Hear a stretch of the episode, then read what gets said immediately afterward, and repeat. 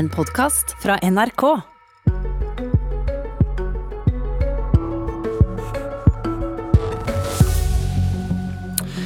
I dag kommer regjeringen til å synge en sår blues du har hørt før. Den om velferdsstaten som trues av eldrebølge og slunken lommebok.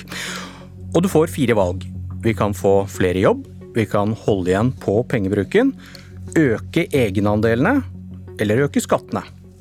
Hva velger du? Jeg tror ikke Jan Tore Sanner velger de to siste. Ja, Var det en grei oppsummering, finansminister Jan Tore Sanner fra Høyre? Eh, ja, det var det. Bortsett fra at jeg er ikke enig i at det er en sår blues. Eh, dette er, dette er, utfordringer som, som treffer oss eh, nå. Samtidig så mener jeg at vi har verdens beste utgangspunkt for å håndtere de, de utfordringene. Vi er et land hvor vi har tillit til hverandre. Eh, hvor det er små forskjeller, eh, hvor folk har stor frihet til å forme sine egne liv. Og vi klarer å få til god, god omstilling.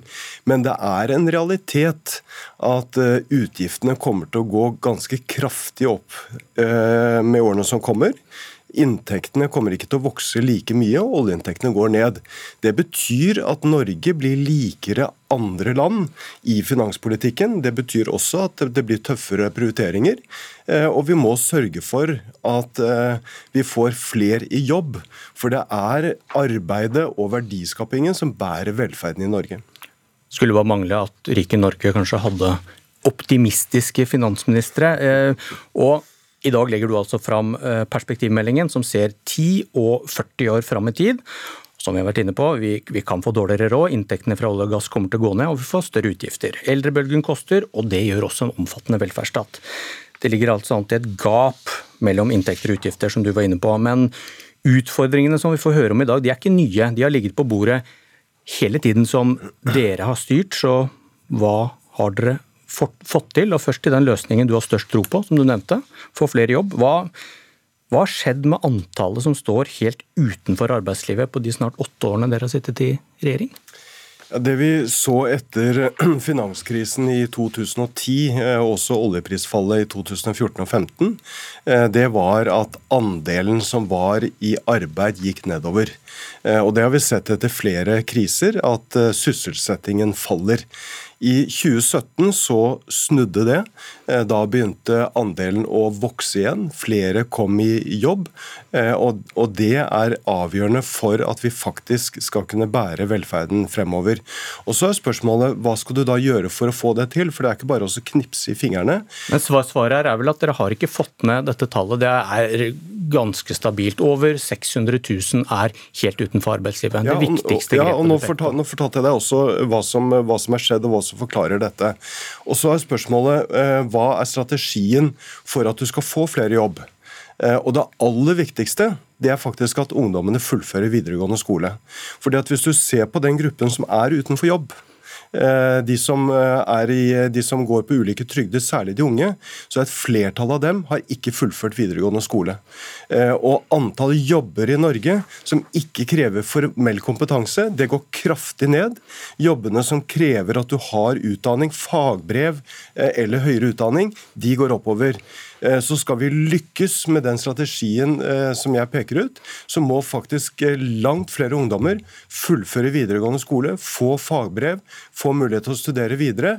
Og der så har utviklingen gått i riktig retning, og vi skal forsterke det arbeidet fremover. Men dere har sittet og styrt i åtte år, og du peker på oljepris og konjunkturer. Men hvis det ikke bare er det, da, kan vi konkludere med at dere ikke har klart å gjøre noe med det du mener er aller viktigst. Det står fortsatt over 600 000 utenfor arbeidslivet. Det samme de gjorde da dere startet på deres vakt. Jeg, er uenig i den analysen du trekker der, fordi jeg forklarte også hvorfor at sysselsettingen går, den går ofte ned etter, etter kriser. Eh, så klarte vi å snu det i 2017. Eh, Dere klarte å snu, det. dere skylder på eh, oljeprisen som faller når ledigheten synker. Og så skal du skryte av regjeringens politikk når den går opp sammen med jeg, jeg, oljeprisen igjen når jobbene kommer tilbake? Jeg, jeg, viser til det som er erfaring fra, fra alle, alle, land. At når du har dype økonomiske kriser, eh, ja, så øker ledigheten, og du får en del langtidsproblemer. Det er også bakgrunnen for at Men Da kan du ikke si at det er regjeringens politikk som gjør at jobbene kommer tilbake, når den også ja, du, følger du, oljeprisen? Du kan gjerne, gjerne kverulere på det.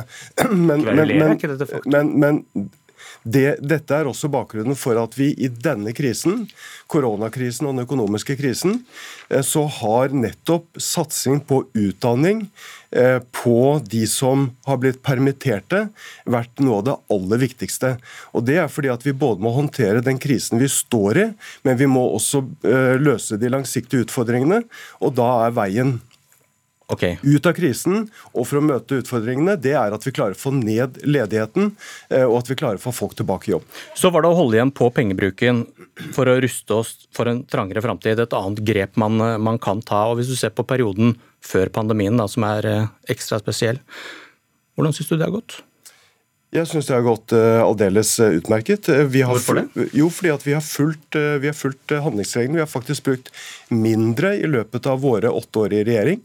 Eh, enn en slavisk oppfølging av handlingsregelen. Bryr dette du... finansieringsgapet seg om om dere har fulgt en handlingsregel? Er ikke utfordringene jo. og de varige utgiftene akkurat de samme? Du, du, stilte meg spørsmål om bruk av oljepenger. Og Hvis du ser på perioden 2014 og frem til i dag, så er det helt riktig at under krisen har vi brukt mye penger. Men samlet sett i perioden 2014 frem til i dag så har vi brukt 300 milliarder kroner mindre enn en slavisk oppfølging av handlingsregelen. Og det viser at vi bruker mindre i gode tider slik at vi kan bruke mer når krisen kommer. Men det er noen faktum som slår litt hull i den, den påstanden din der. For dere begynte å bruke mer oljepenger før oljeprisfallet i 2014. Dere økte oljepengebruken i 2013-budsjettet. Dere økte med flere milliarder da dere ble enige om 2014-budsjettet. Så det holder ikke. Hvorfor, hvordan forklarer du at dere økte oljepengebruken før disse krisene som du forsvarer dette med? Ja, vi, vi, ligger allikevel under det som er den langsiktige rettesnoren for handlingsregelen, som sier at eh, man skal bruke, eh, kan bruke 3 Det er avkastningen av pensjonsfondet. Vi Hvorfor har vi, vi problemer med å finansiere velferdsstaten da, hvis du har vært så flink til å bruke ja, penger? Det er ganske enkelt fordi at det blir færre yrkesaktive bak hver pensjonist. I dag så er det ca. fire yrkesaktive for hver pensjonist. Hvis du ser frem mot 2060, så vil det være to. Og det, er, det viser for det, for det første Da kan vi blåse opp velferdsstaten og offentlig sektor så mye du vil. For... Ja, du, du, trenger da en sterk privat sektor for å finansiere den offentlige velferden.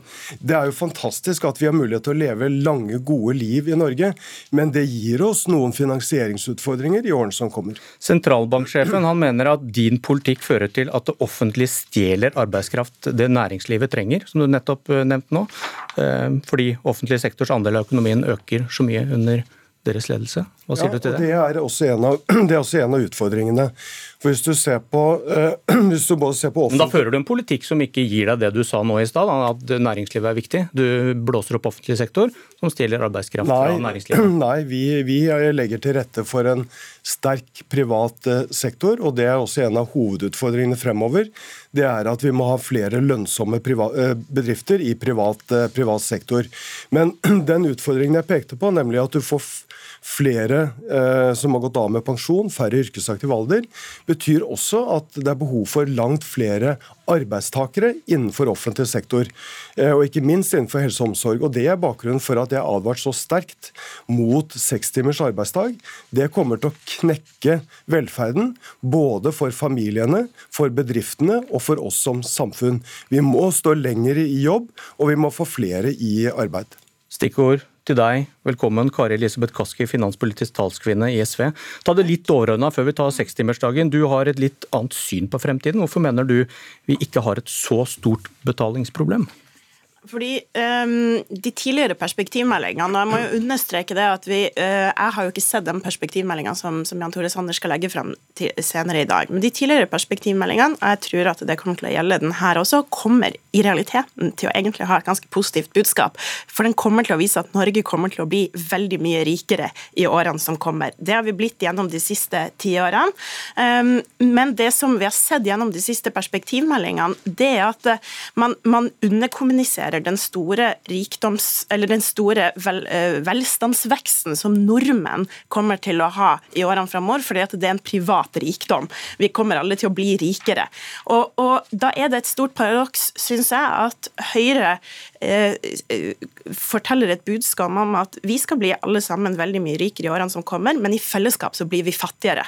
Fordi at det her handler jo om omfordeling, og om vi omfordeler fra den private rikdommen til fellesskapet. Fordi velferd kommer vi alle til å etterspørre også i årene som kommer. Spørsmålet er bare om vi skal finansiere det i fellesskap, eller på, om vi skal kjøpe det hver og en av oss. Du er på tiltak fire fra starten her, øke skattene.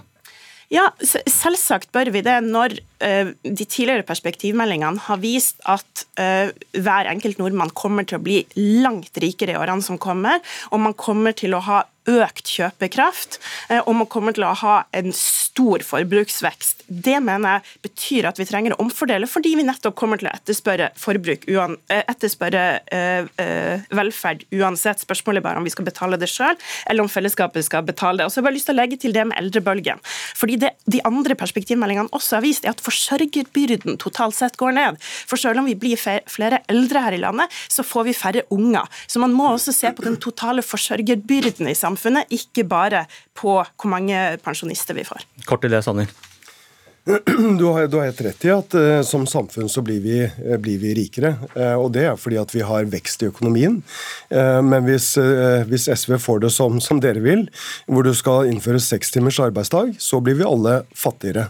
Det betyr kraftige økte lønnsutgifter for bedriftene, som vil miste konkurransekraft. Og vi trenger et sterkt privat næringsliv. Vi trenger flere folk i arbeid for å bære velferden fremover. Eh, og selv ikke SVs skatteøkninger er i nærheten av å dekke inn de behovene som er, er fremover. Og når vi trenger flere jobb og flere til å investere i norske arbeidsplasser, ja, så trenger du ikke høyere skatt som vil bidra til å redusere eh, folks arbeidslyst. Hvordan har du råd til sekstimersdag når Sanner tegner opp eh, den framtiden han gjør.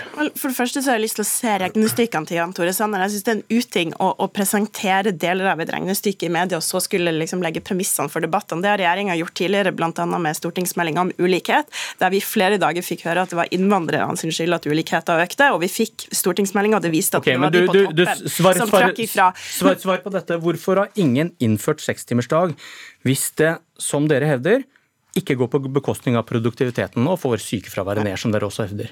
Hvis vi skal ta utgangspunkt i nettopp de regnestykkene som, som Jan Tore Sanner har presentert i VG, så, så vil kostnaden være 7 milliarder. Dette er altså en regjering som har redusert statens handlingsrom med 34 milliarder kroner gjennom de siste årene pga. store skattekutt. Og man har pumpa opp oljepengebruken i, i, statsbudsjettene og gjort oss mer avhengig av, av inntektsstrømmen fra, fra ingen, oljefondet. Hvorfor har ingen innført dette hvis det er så bra? Det får ned sykefraværet det og det går ikke på bekostning av produktivitet. Det vi har gjort gjennom de siste tiårene i Norge, er å redusere arbeidstida. Vi har jo det selvfølgelig var det en kostnad. Altså, Hvem, hvilke jo, bedrifter er det som har sekstimersdag i dag? Men Vi har jo redusert arbeidstida i Norge eh, totalt sett gjennom de siste tiårene, gjennom det siste også århundret. Det har hatt en kostnad, men det har også bidratt til at, at, Norge også har blitt langt rikere. Men Hvorfor ja, har ingen innført dette hvis det lønner seg? Det har jo vært mange gode og vellykka forsøk med det. Som har blitt avvikla? Ja, som også har blitt avvikla, men som jo også har vist at man f.eks. har redusert sykefraværet. og det er jo det som er det store spørsmålet, om man i de regnestykkene som, som blir presentert i perspektivmeldinga, har med seg hva det vil innebære ved nettopp å få flere folk i arbeid. Det er mange mange folk som jobber innenfor i omsorgsyrker, som jobber deltid. Det er stort sykefravær som vi vet kan reduseres. Og det her er jo et spørsmål om omfordeling igjen, der du tar ut noe av den produktivitetsveksten som vi vil ha i årene fremover, i økt fritid framfor i økt forbruk. Hvis du uh, ser på utviklingen frem mot 2060 i dag så jobber ca. én av åtte innenfor helse og omsorg. Med den utviklingen vi nå ser fremover, så er det én av tre nordmenn som må jobbe innenfor helse og omsorg. Eh, hvis ikke vi eh, klarer å eh, bedre folkehelsen og flere bor hjemme, hjemme lenger. Hvis du skal innføre arbeids, seks timers arbeidsdag, så, så, vil det ikke være nok folk innenfor helse- og omsorgssektoren. Realiteten er at vi trenger flere fra deltid til heltid. Vi trenger flere i arbeid. Hvis du reduserer eh, arbeidstiden til seks timers arbeidsdag, så reduserer det vår nasjonalformue like mye som hele pensjonsfondet og all olje som ligger i bakken. Du knekker Norges velferd, både familienes, bedriftenes og oss som samfunn hvis du skal redusere arbeidstiden. Vi må faktisk jobbe mer, vi må stå lenger i arbeid, og vi må få flere av de som står utenfor, inn i jobb. De som knekker ryggen i dag, det er de folka som jobber i omsorgsyrkene våre fordi at de har for stor arbeidsbelastning. Det å redusere arbeidstida gjør at flere kan komme i full jobb, flere kan jobbe der, og vi også kan hente ut den produktivitetsveksten i mer tid. Dette var Politisk kvarter. Jeg heter Bjørn Myklebust. Du har hørt en podkast fra NRK. Hør flere podkaster og din NRK-kanal i appen NRK Radio.